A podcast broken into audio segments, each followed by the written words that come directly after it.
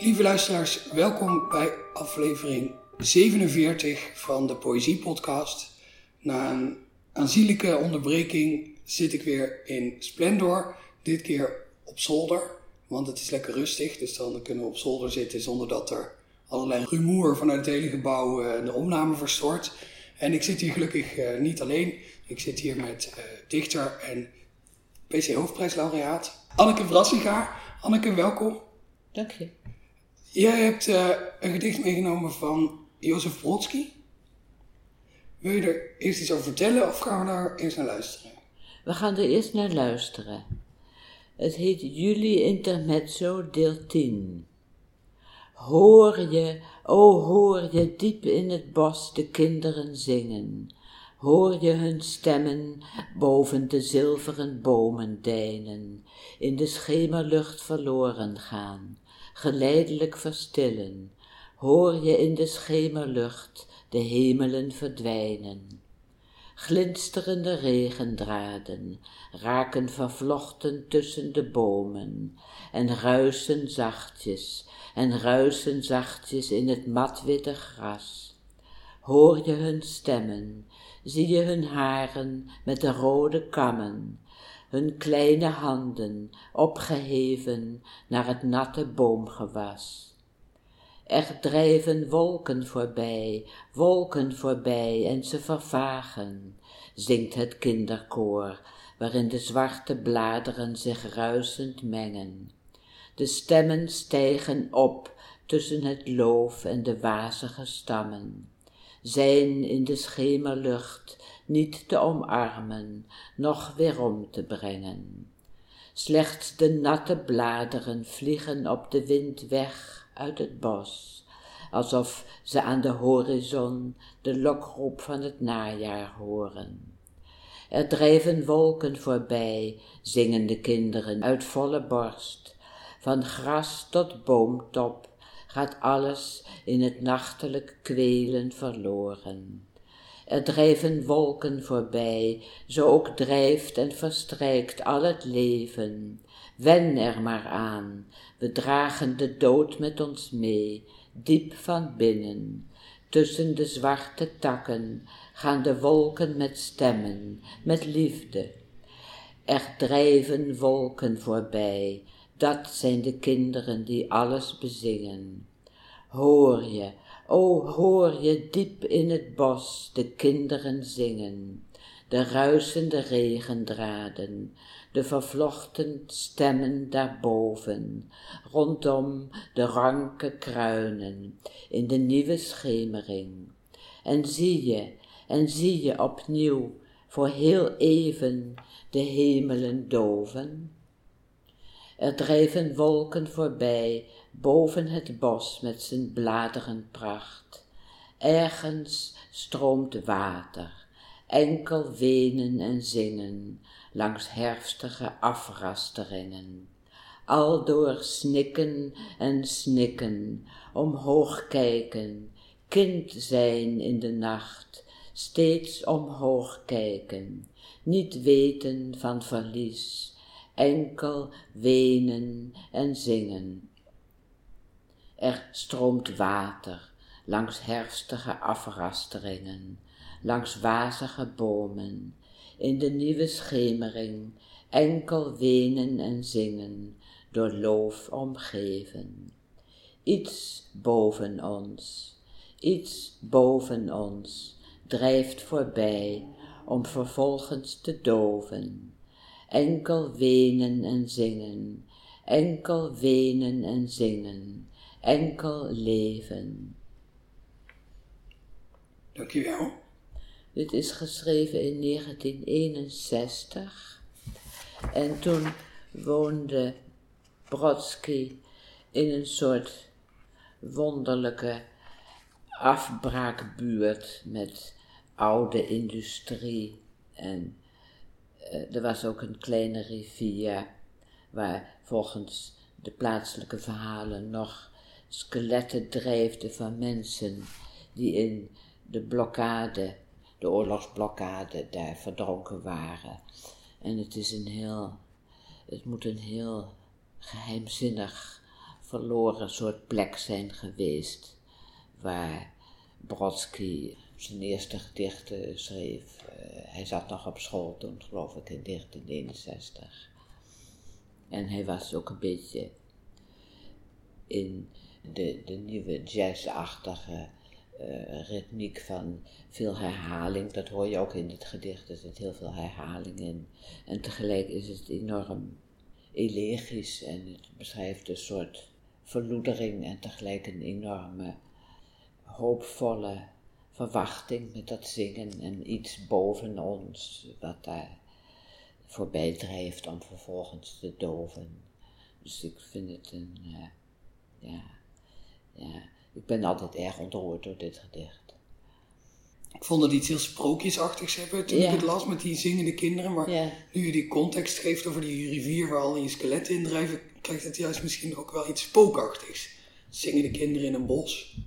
Ja, het deed me ook denken aan een verhaal van Herzberg, Abel Herzberg, die heeft geschreven over het kamp. En die beschrijft dan een, een groepje Joodse kleine kinderen die zingen, omringd door allerlei uh, Duitse militaire machthebbers, zingen ze ook een Joods lied aan, uh, nou ja, aan, aan de hemel toe. En dat heeft een beetje ook deze sfeer van je bent overweldigd in een machteloze positie door eh, die plek waar je toevallig bent. En toch heb je een soort behoefte om eh, iets hogers toe te zingen. En die Duitse soldaten die konden dat natuurlijk helemaal niet verstaan. Dat was een, eh, een, een, Hebreeuwse tekst. Maar dus het geeft een enorme discrepantie tussen je innerlijke vrijheidsdrang en je gevangenschap als mens. Vandaar dat uh, enkel wenen en zingen, enkel wenen en zingen, enkel leven. Meer, meer kun je niet doen als het ware. Maar er is toch altijd een soort vonk van dat deze werkelijkheid dat er nog een andere werkelijkheid boven is. Ik vind het ook heel mooi wat hij, wat hij met klankerhaling uh, doet. Er zit een regel in over het, het, haar van die kinderen en hun rode kammen. En hun handen en hun stemmen. En dan daar... Ja, ja en het ruisen. En, het, en die kammen en het gras.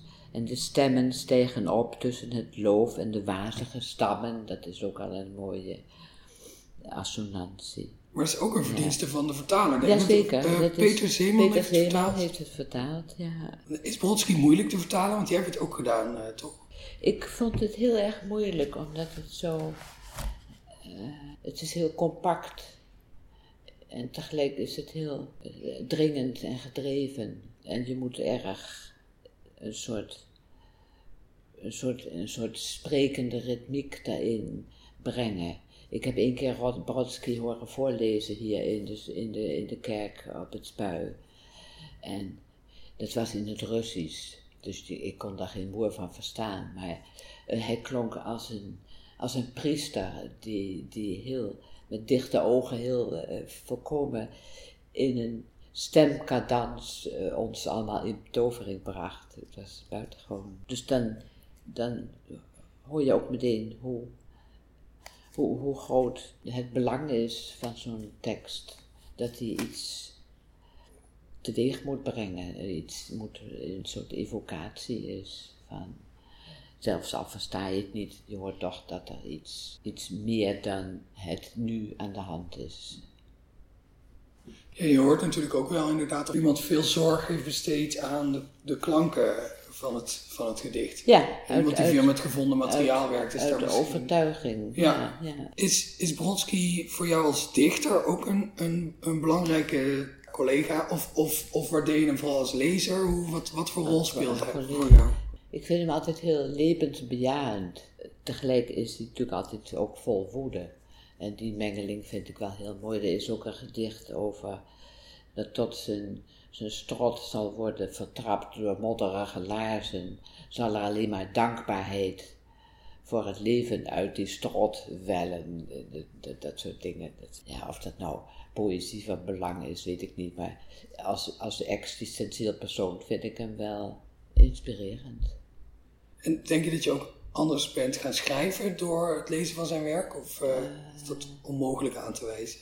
Maar misschien ben ik het ernstiger gaan nemen. Het, het schrijven van, van poëzie, bedoel je? Ja, ja, ja. Want daarvoor schreef je lichtvoetiger. Ja, misschien wel. Ja. Of ja, goh, zijn poëzie geeft natuurlijk ook een heel duidelijk beeld hoe, uh, hoe je in uh, toestanden van uh, vervolgd worden en uitgestoten zijn. En hij heeft ook in Siberië in een kamp gezeten. En, dus dat geeft ook wel aan dat poëzie een soort be bevrijdingsmanoeuvre kan zijn.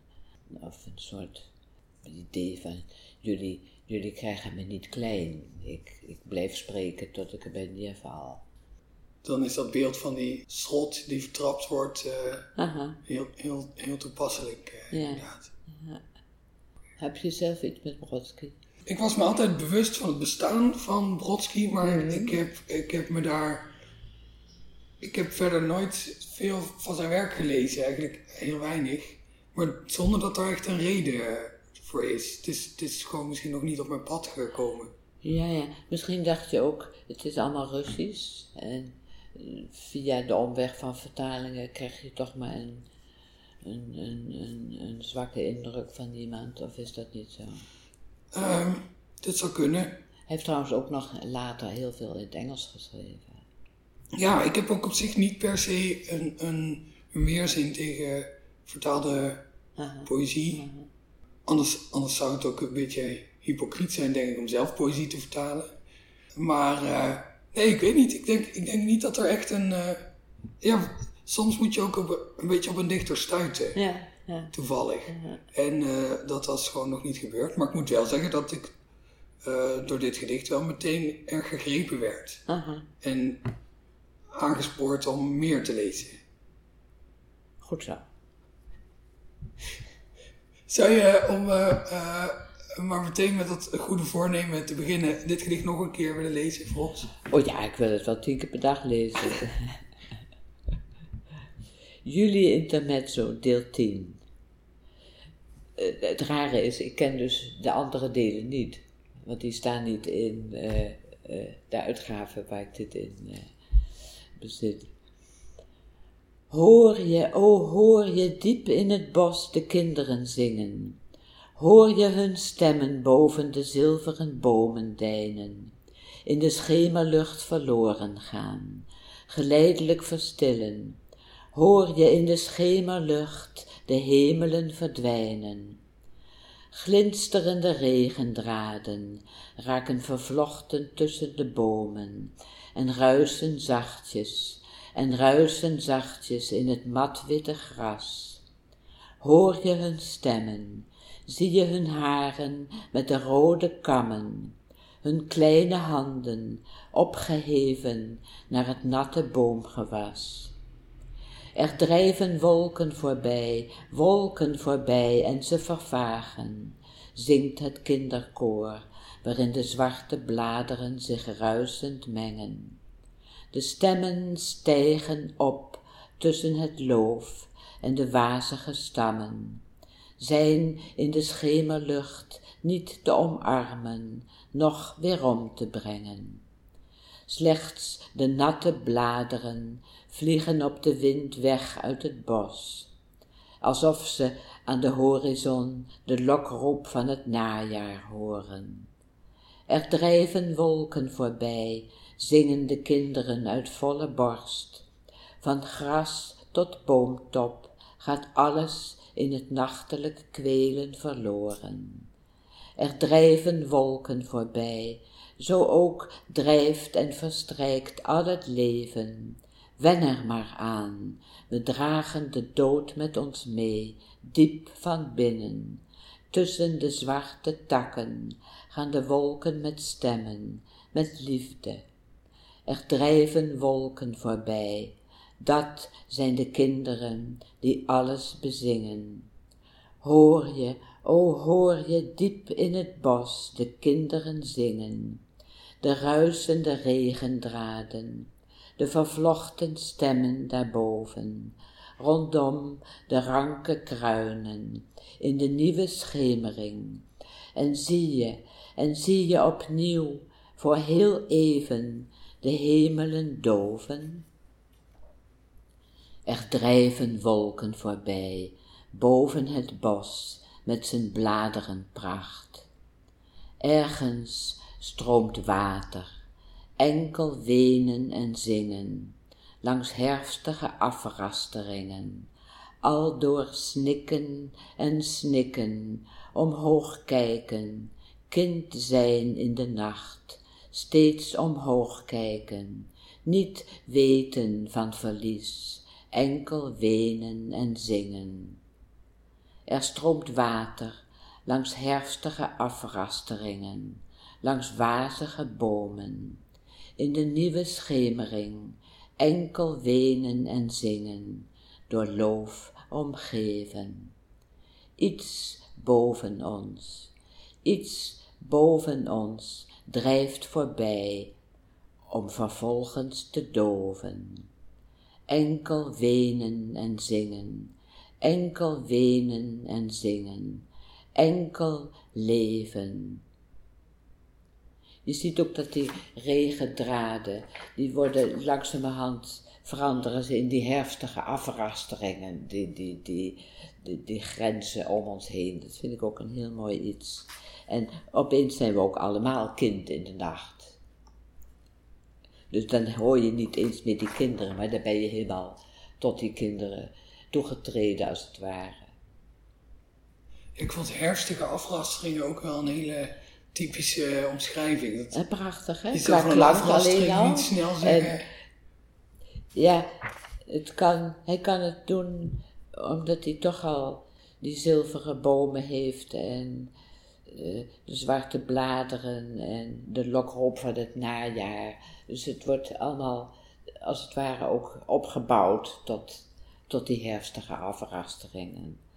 Zo'n gedicht gaat heel uh, subtiel in zijn werk eigenlijk, met af en toe kleine sprongetjes. Zo ook drijft en verstrijkt al het leven, wen er maar aan, we dragen de dood met ons mee. Dat zijn ook hele mooie overgangen. Ja, het is een wonderlijk gedicht. En dan heeft hij het ook nog geschreven terwijl hij nog op school zat. Ja, goh, sommige mensen worden geboren als dichter. Dat is waar. Je hebt ook een gedicht van jezelf meegenomen. Ja. ja. En het is een gedicht uit, uh, dit is jouw nieuwste bundel, toch? Ja, uh, dit heet Verborgen Tuin, dit is van vorig jaar. En uh, ja, ja, ik zou, het, ik zou het anders nooit voorlezen, maar ik vond het nu wel een beetje bij elkaar passen. Aangezien in mijn gedicht uh, komt ook een vonk voor en die vond ik wel een beetje lijken op iets boven ons drijft voorbij om vervolgens te doven. Er is toch iets gezien.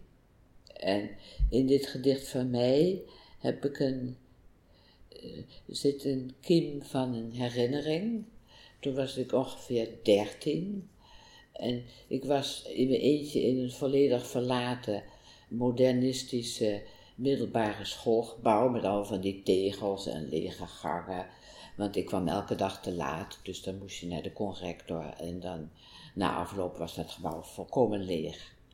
Dus ik stond daar in zo'n sanitair aparte zaaltje en ik keek in de spiegel en ik zag opeens in mijn pure ellende van puber, uh, geplaagd en elke dag te laat en standjes. En zag ik de goddelijke vonk in mijn oog, in de spiegel. En dat was een enorme, ja, verbijsterende aanblik. Dus die ben ik nooit vergeten. En op de een of andere manier heb ik die in dit gedicht gestopt dat was de, de reden om het te schrijven eigenlijk. Net als Brodsky op school getroffen door uh, de goddelijke bliksem. Precies, zo ongeveer. Ja, ja, ja, ja, ja. Het heet Het Bange Hert. Mijn schuim het blinkt, vonkslaand, over overstromend zand, en daarin de sporen bij eb, mijn watertanden, tussen bron en baai, van zoet naar zilt, mijn, a, mijn adem die tegen stormwind, tegen klimduin zich opwerpt. De beken van boter en honing zal nooit niet zien het hert altijd weer opstaand waar het schuilen was gegaan, om luidkrakend dwars door doorngewas te breken, sprong de lust ontkomen, weg van luchtig vuur, zee van de zucht, met deuren de toegeslotene. Boven gindse, grazig verwaaide borsten ter kust, het wolkgeborgte, van wie voort daar leven, nu nog de dood ik hun niet gunnen kan, de rust in donkerheids windeldoek. Ach, mijn brullingen, ze werden uitgestort als water, schreeuwden tussen de struiken, en onder de netelen vergaderden zij zich, om er te kwijnen tot gemor en radeloze klacht. Verlaat ik mij lamlendig op moedwillig dwalen door naakte vlakten, afgezaagd woud. Wat jaagt van den beginne, eenvouds armoe, blijft dringen naar aanhef, waar alle spraak aaneen zich klonk in Gods stem, subiet als de vonk uit voor wereldlijk oog, dit verkleumd schril hert soms vol treft, onverhoeds in eigen dorstende spiegelblik. Dankjewel. Je zei net dat je dit gedicht normaal niet voor zou dragen, maar waarom is dat dan? Uh, ja, weet ik eigenlijk niet. Het is zo uh, hoog van toon, hè? ik snap wel wat je bedoelt, maar dat een beetje, een beetje iets, iets gedragens of iets, iets klassieks, dat, dat zit wel vaak in, jou, in jouw werk, toch? Je bent niet bang om af en toe een genitief of een naamvoegende wijs nee, te Nee, dat is waar, maar dan, dan doe ik er altijd ook nog wel een beetje een, een grap in. En dit, dit is echt een volledig graploos gezicht. maar misschien zal ik het nooit nog wel eens voorlezen, hè? ik weet niet. Als het allemaal heel slecht met de wereld gaat, zoals oh ja. het nu eruit ziet.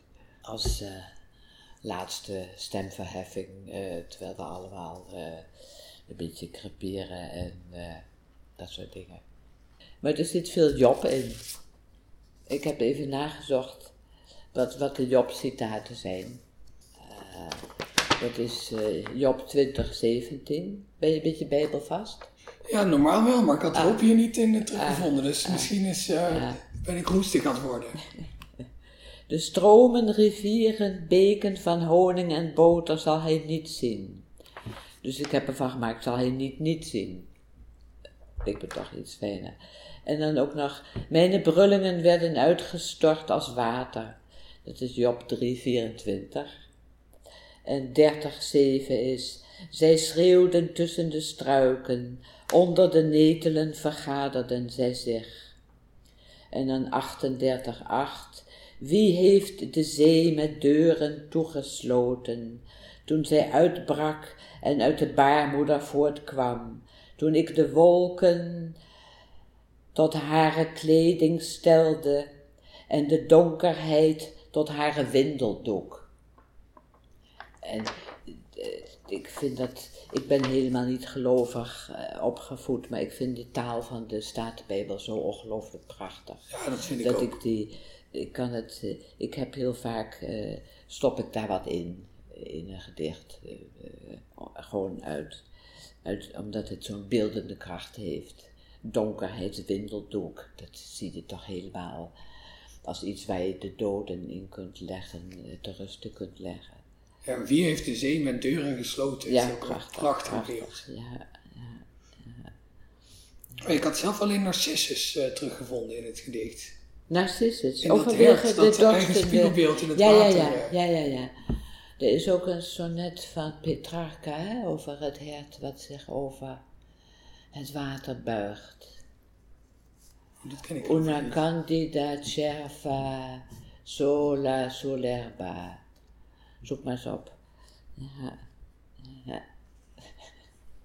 Ik, moest ook, ik moest trouwens wel, toen ik eh, de, de titel zag, voordat ik het gedicht gelezen had, moest ik wel al meteen weer aan de, aan de psalm eh, denken over het uh, heigend hert der jacht ontkomen. Ja, ja. Die ja, zat er ja, dan weer niet ja, in. ja, ja, ja. Ja, gewoon, het ligt gewoon te veel voor de hand, hè, hert en hart. Dat maakt het zo eh, eh, aangenaam om te gebruiken. Nou ja, wat moet ik er meer over zeggen? Zeg jij er maar wat over. Dat is goed. ik had met Jeroen van Kam uh, had Ja. ik een, een gesprek uh, vorige week. En uh, toen had ik het over dat je te gast zou zijn in deze podcast. En toen waren Jeroen en ik het erover eens dat we waren wel heel benieuwd van wie je een gedicht mee zou nemen Mhm. nu. Omdat we allebei vonden dat jouw stijl van schrijven, dat die heel moeilijk in een, in een soort eh, traditie te plaatsen is. Aha. Dat je niet, je hebt van die dichters en daarvan kan je heel makkelijk zeggen, oh die hebben dat uh, heel veel gelezen en die hebben dat heel veel gelezen. Maar het, ik vind bij jouw gedichten altijd, en dat bedoel ik in de meest positief mogelijke zin, Aha. altijd een beetje alsof ze van de maan komen eigenlijk. Nou, elk gedicht is voor mij een nieuw begin. Alsof ik nooit eerder een gedicht heb geschreven. En is dat iets wat vanzelf gaat of is dat een, een keuze? Ja, ja, nee, dat gaat vanzelf. Dat is, uh, ik sta ook elke dag op alsof het leven helemaal opnieuw moet beginnen. Dus dat betekent dat er weinig substraat is om op voor te bouwen. En daar heb ik ook eigenlijk helemaal geen zin in. Heb je dan ook het gevoel alsof je het elke keer opnieuw moet leren, hoe het eigenlijk moet? Ja, elk gedicht is een nieuwe knokpartij. En dat houdt ook in dat je soms 381 versies van iets maakt. En dat is gewoon heel erg spannend. Juist omdat je weerloos staat tegenover de tekst. Het enige wat ik heb is een, is een reservoir met flarden van andermans poëzie. En die gebruik ik ook eh, volop. Maar ja, alleen al het feit dat je iets gaat opschrijven is al zo'n enorm ja, vergrijp als het ware. Dat je niet anders kan dan je, kleren uittrekken en eh deemoedig doch onverzettelijk eh, eh, de taal te leven gaat. Met, met een soort, met een soort gelovigheid. Maar dan een gelovigheid zonder... Maar die, die is dan eigenlijk, ja god, hoe zeg je dat? Ondanks mezelf. Als je als kind zo'n vonk in de spiegel ziet, dan ga je ook niet meteen denken, oh leuk, ik word dichter. Je denkt alleen maar, god, ik heb iets in me wat, eh, wa- waar ik aan moet gehoorzamen als het ware. Ja, dat is hoe je bent begonnen met, eh, met, met schrijven. Je dacht ineens, oh ik moet iets, ik moet iets gaan doen. Ik weet zelf ook niet zo goed wat of waarom. Nou, ik ben begonnen met vertalen. En dat is natuurlijk veel eenvoudiger. Want dan, dan is de taal echt je, je bron en je meester als het ware. Ja, dan is al een soort vage een pad uitgekapt door iemand anders. Als je, als je gelooft dat er in taal een soort eh, eh, hogere menselijkheid schuilt, dan kun je je daarin begeven als het ware. En het vertalen is een hele mooie manier om je, om je daarmee te verhouden, want je ziet eh, het pogen van al die schrijvers om ook nog buiten de, de, de inhoud van een verhaal van Nabokov of noem maar wat, om daar ook nog een soort innerlijke drive aan te beluisteren en die ook eh, door te geven in het vertalen. Snap je? Is het, bedoel, ben ik al te etherisch aan? Nee hoor, helemaal niet. Ik zit de hele dag eh, poëzie te vertalen de afgelopen weken, dus eh, ik, ik kan me daar helemaal, helemaal in vinden. Maar vind, vind je het dan ook moeilijk als je ziet dat de auteur in het originele gedicht iets probeert, wat dan in jouw taal vervolgens niet lukt? Ja, natuurlijk. Natuurlijk. Aan de andere kant is er gelukkig altijd nog Walter Benjamin, die heeft geschreven dat elke vertaling iets toevoegt aan het origineel. En dat het uiteindelijk een enorme koningsmantel is van het verstaan van de verschillende aspecten van eh, wat er over te dragen is. Dus het is uiteindelijk volgens hem altijd een verrijking. Nou, dat, daar kan iedere vertaler zich mee troosten.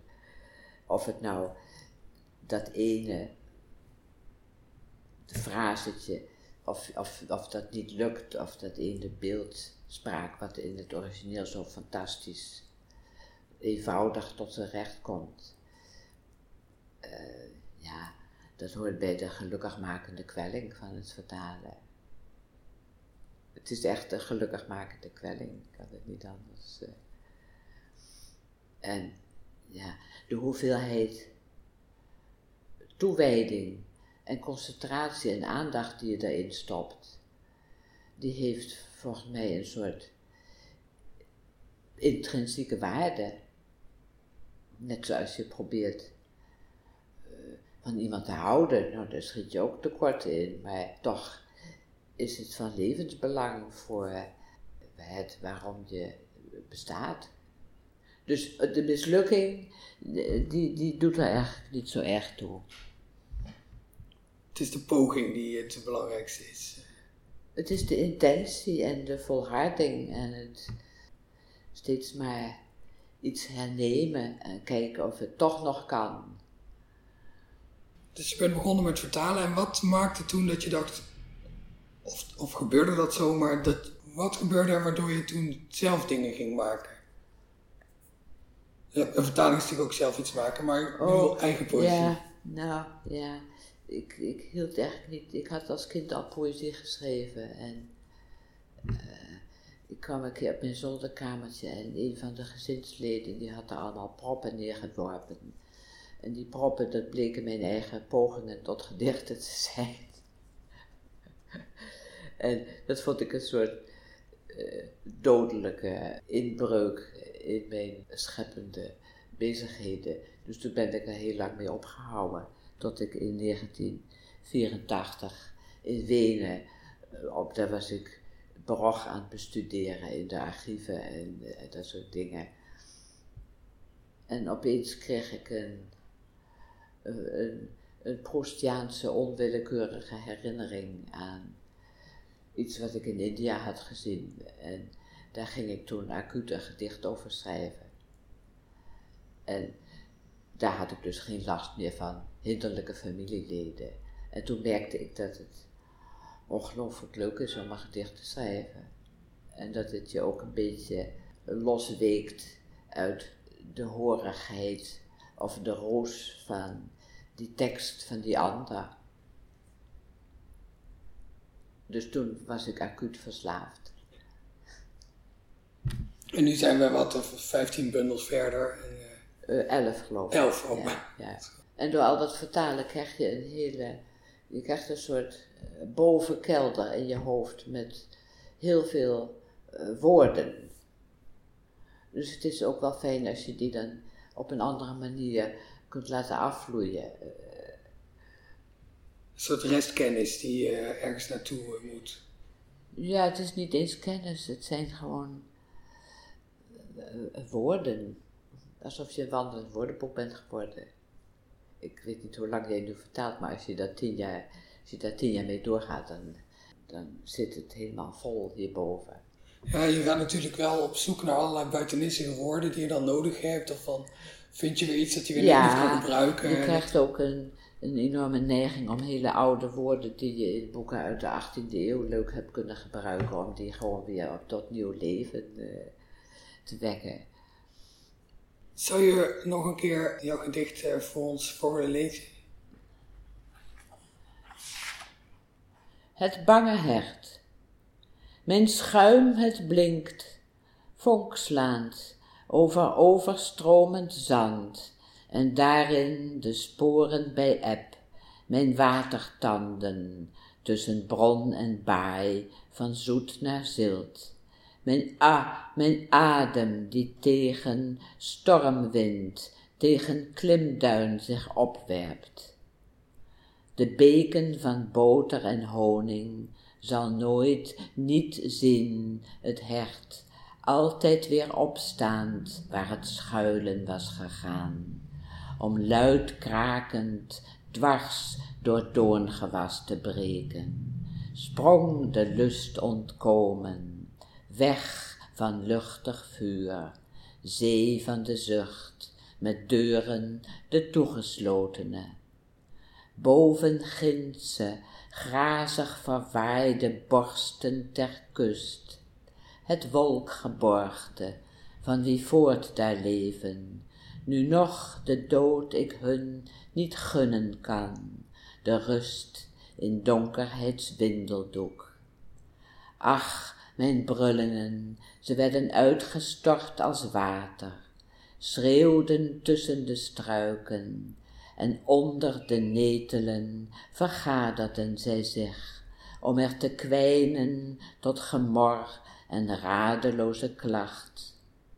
Verlaat ik mij lamlendig op moedwillig dwalen door naakte vlakten, afgezaagd woud, wat jaagt van den beginne, eenvouds armoe, blijft dringen naar aanhef, waar alle spraak aan zich klonk, in Gods stem, subiet als de vonk uit voor wereldlijk oog, die het verkleumd schriel hert soms vol treft, onverhoeds in eigen dorstende spiegelblik.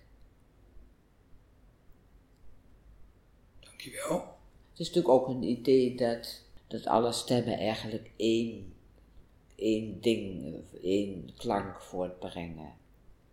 Maar dat komt ook weer uit Herman Broch, die heeft het over dat, dat stimmengestrüpp, uh, dat is dan de, de, hele stem van de hele mensheid. En eigenlijk ook in Brodsky natuurlijk, waar we allemaal ja, precies. zingen ja, en ja, de kinderen. Dat koor, worden. ja, ja, ik heb vroeger vaak gedacht dat het mooi zou zijn als de hele mensheid op hetzelfde moment in zingen uitbrak. En nu met de coronacrisis is dat wel her en der gebeurd. Dus het, uh, het is niet alleen maar mijn uh, verlangen blijkbaar. Nee, inderdaad. Langzaam uh, wordt, wordt de droom werkelijkheid. Al is het dan misschien een beetje onder een... Ja, of wordt het wijgevoel iets tastbaarders. zou kunnen. Heel hartelijk bedankt voor dit gesprek. Dit was aflevering 47 van de Poëzie Podcast. Die wordt gemaakt door mij, Daan Doesborg, in samenwerking met de Stichting Literaire Activiteiten Amsterdam. Normaal zeg ik hier altijd dat ik het zo fijn zou vinden als iedereen een recensie achterlaat. Maar ik heb mij laatst door Dennis Gaans laten vertellen dat het allemaal onzin is. Dus dat ga ik niet doen. Maar doen de mensen dat ook? Ja, zeer mondjesmaat. Dus het heeft misschien ook niet zoveel zin om het mm. elke keer uh, te zeggen. Nee, uh, nee. Ik vind, ja, nou ja, kijk, ik vind het zelf natuurlijk wel uh, leuk. Dennis zei in zijn podcast dat de, de, waarheid is eigenlijk dat je als podcastmaker altijd maar een beetje aan het zenden bent. De leegte in. Mm, mm, en dan is het leuk om af en toe iets terug te krijgen. Ja. Nou, ja. ben ik natuurlijk helemaal met hem eens. Ja. Dus als u iets terug wil zenden, laat dan een recensie achter en anders niet, dan is het ook goed. Uh, volgende maand zijn we er weer. Blijf gezond en tot volgende keer.